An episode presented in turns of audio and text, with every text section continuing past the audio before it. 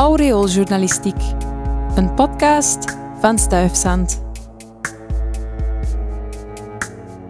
Midden in jouw dorp staat een kerk met een naam. Maar ken je ook de mens achter die naam?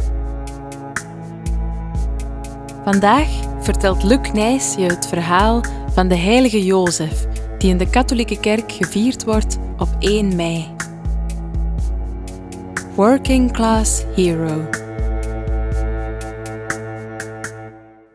Jozef was een beetje een muurbloempje. Een stille figuur die op de achtergrond een oogje in het zeil hield.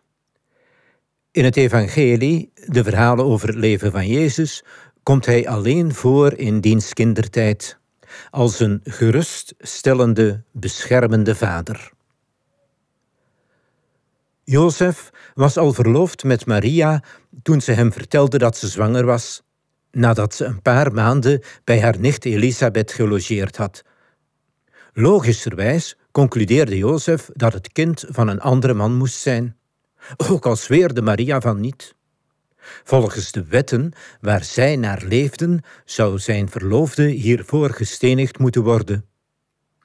Deze gruwelijke straf wenste Jozef niemand toe, en om schandaal te vermijden, overwoog hij om discreet van Maria weg te gaan. Nachtenlang lag hij wakker van de situatie. Toen hij uiteindelijk uitgeput in slaap viel, droomde hij van een engel die hem ernstig toesprak. Jozef, nakomeling van David, luister. Je kunt rustig met Maria trouwen, want het kind dat zij verwacht is van de Heilige Geest.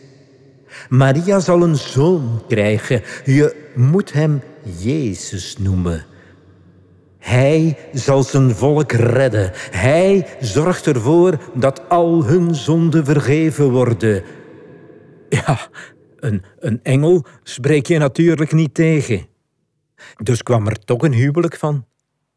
Zo werd de kleine Jezus geboren in een liefdevol gezin en opgevoed door de zachtaardige Jozef.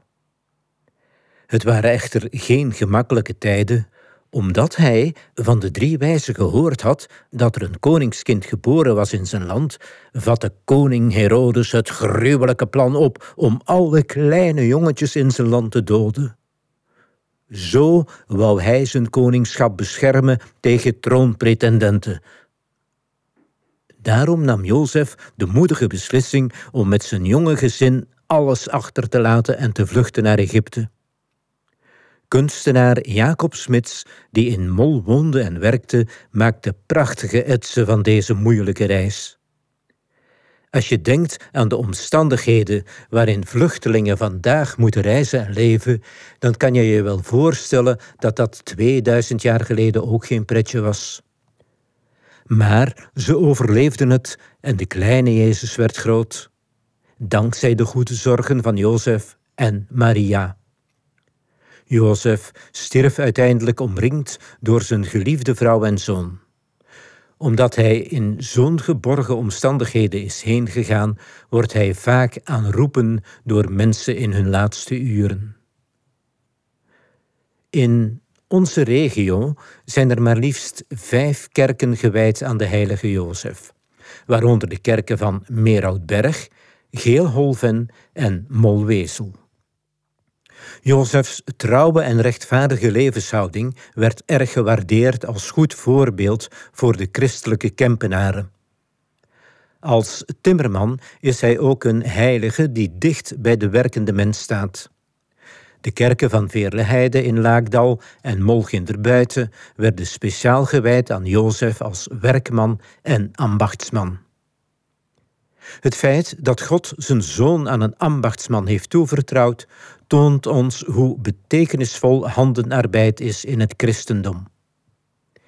Jezus was trots op zijn aardse vader, want aan handenarbeid doen is meewerken aan de schepping van God.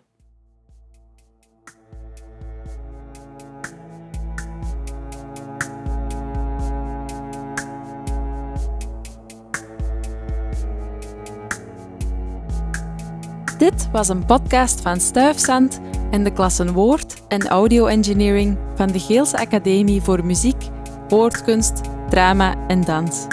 Met steun van de Vlaamse overheid. Heb je nog vragen, suggesties of opmerkingen? Laat het ons weten op info.stuifzand.be. Dankjewel voor het luisteren.